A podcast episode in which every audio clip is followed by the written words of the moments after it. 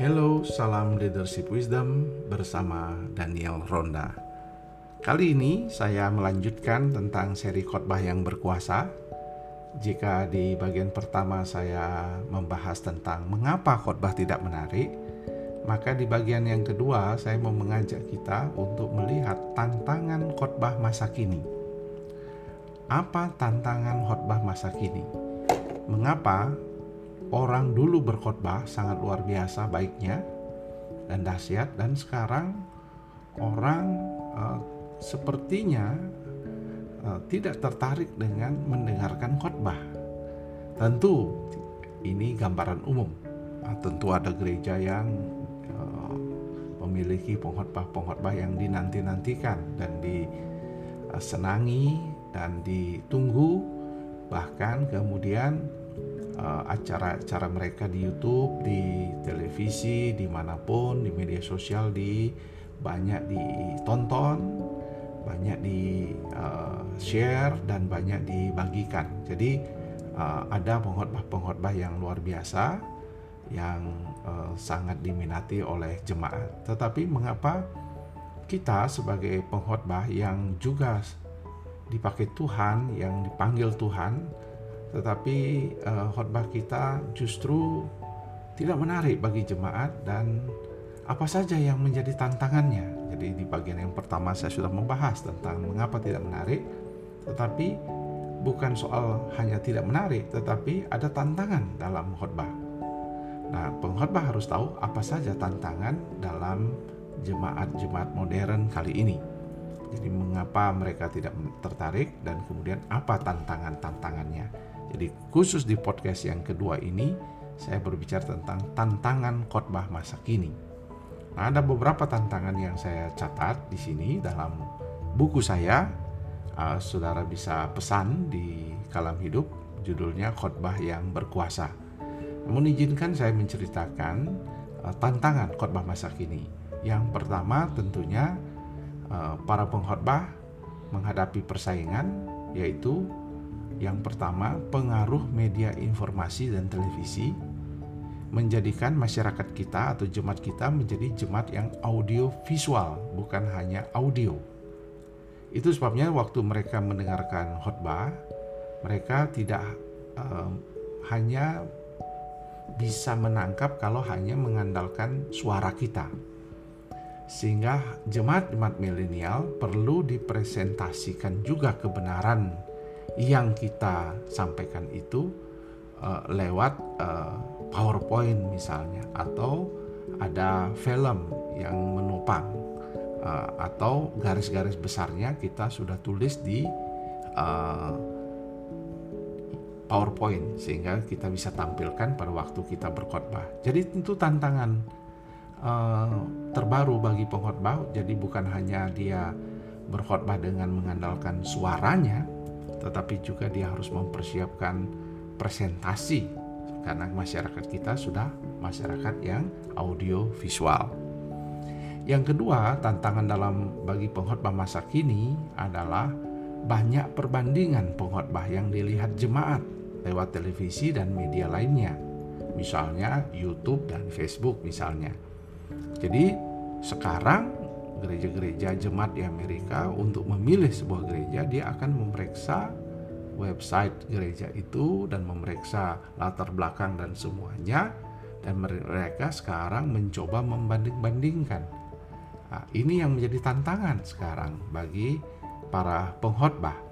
Jadi mereka banyak sekali sudah ada perbandingan. Dan umumnya jemaat suka membanding-bandingkan khotbah kita dengan khotbah-khotbah pendeta lain yang mereka dapat di tempat lain. Jadi ini tantangan tersendiri bagi para gembala, pengkhotbah, para pemimpin masa kini ketika dia menyampaikan khotbahnya. Ada banyak perbandingan, komparatif ya, kom, bisa dikompar, diper, dibandingkan dengan pengkhotbah lainnya. Lalu tantangan yang ketiga adalah di mana ketika kita menyampaikan khotbah banyak sekali jemaat ketika mendengarkan khotbah dia memegang HP telepon pintarnya dalam mendengarkan khotbah dia uh, membiarkan smartphone-nya menjadi Alkitab. Nah, ini memang uh, menjadi tantangan tersendiri di era modern dan era new normal ini. Apakah uh, kita tidak perlu membawa Alkitab hanya memakai HP. Ini ada perlu diskusi khusus dan panjang. Tetapi gadget adalah uh, sesuatu yang tidak perlu kita uh, takuti, cuma menjadi suatu uh, etika yang kita ajarkan di jemaat untuk walaupun misalnya dia menggunakan HP atau gadgetnya, diharapkan dia uh, matikan semua fitur yang lain, silentkan atau membuat uh, airplane mode atau mode terbang sehingga dia tidak bisa mengakses yang lainnya. Kalau itu bisa tentu tidak ada masalah dengan gadget. Tetapi dengan adanya dia tidak mematikan fitur uh, terbang, tidak memasang fitur terbang berarti ada banyak SMS atau WA yang akan masuk sementara dia mendengarkan khotbah. Dan ini menjadi jemaat akan kehilangan konsentrasi dalam mendengarkan khotbah. Susah sekali berkonsentrasi sementara dia berdiskusi di WA uh, ketika dia mendengarkan khotbah dan ini menjadi tantangan tersendiri bagi pengkhotbah modern dan gereja perlu menyikapi ini. Kemudian di yang keempat tantangan yang dihadapi para pengkhotbah modern adalah uh, di, di jemaat milenial ini ditandai dengan banyaknya jemaat yang buta huruf akan kisah-kisah Alkitab. Jadi tidak sedikit jemaat sebenarnya tidak tahu cerita-cerita Alkitab, tidak memahami kebenaran-kebenaran atau cerita-cerita yang terjadi di Alkitab. Misalnya cerita Abraham.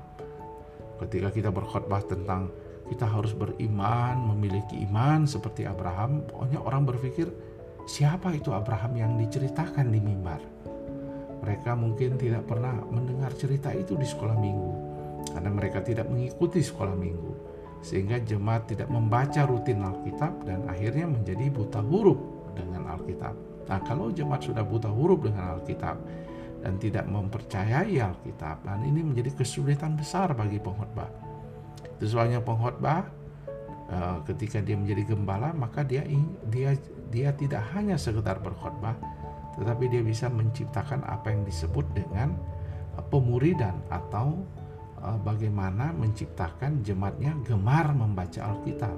Ada gerakan gemar membaca Alkitab, gerakan membaca Alkitab harian, gerakan membuat renungan harian supaya jemaat-jemaat tahu cerita-cerita Alkitab dan ketika pengkhotbah memakai ilustrasi atau memakai cerita Alkitab sudah tidak asing lagi bagi jemaat. Jadi itu tantangan yang keempat dan tantangan yang kelima yang dihadapi pengkhotbah masa kini adalah pengkhotbah sampai saat ini uh, berhadapan dengan keberdosaan manusia. Artinya banyak memang jemaat yang datang ke gereja tapi memutuskan untuk tidak mau mendengarkan eh, firman Tuhan dan tidak tertarik untuk mendengarkan kebenaran. Mungkin dia ragu, mungkin dia menolaknya, tetapi Mengapa dia datang ke gereja? Mungkin karena faktor budaya atau faktor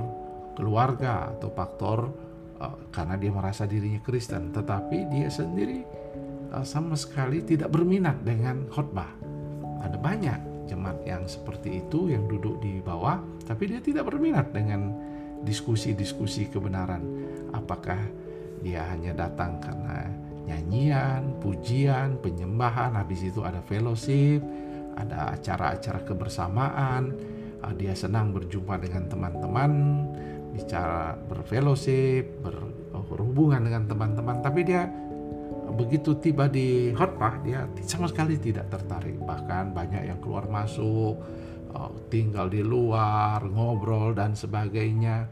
Mereka dan habis khotbah mereka masuk. Ini tantangan yang dihadapi. Karena jemaat datang untuk bertemu, berfellowship, tetapi tidak untuk mendengarkan firman Tuhan. Dan inilah yang menjadi PR besar bagi para pemimpin Kristen, bagi para gembala, bagaimana membuat jemaat mau belajar firman Tuhan dan mengerti bahwa belajar kebenaran firman Tuhan lewat pengajaran, lewat khotbah, dia akan mengikat covenant berkat dan mendapatkan sesuatu yang akan membuat dia bertumbuh secara rohani, tetapi juga bertumbuh secara intelektual, bertumbuh secara hikmat, dan bertumbuh di dalam kuasa pengenalan akan Tuhan yang menyebabkan dia maju, melangkah, berhasil dalam semua perjalanan hidupnya.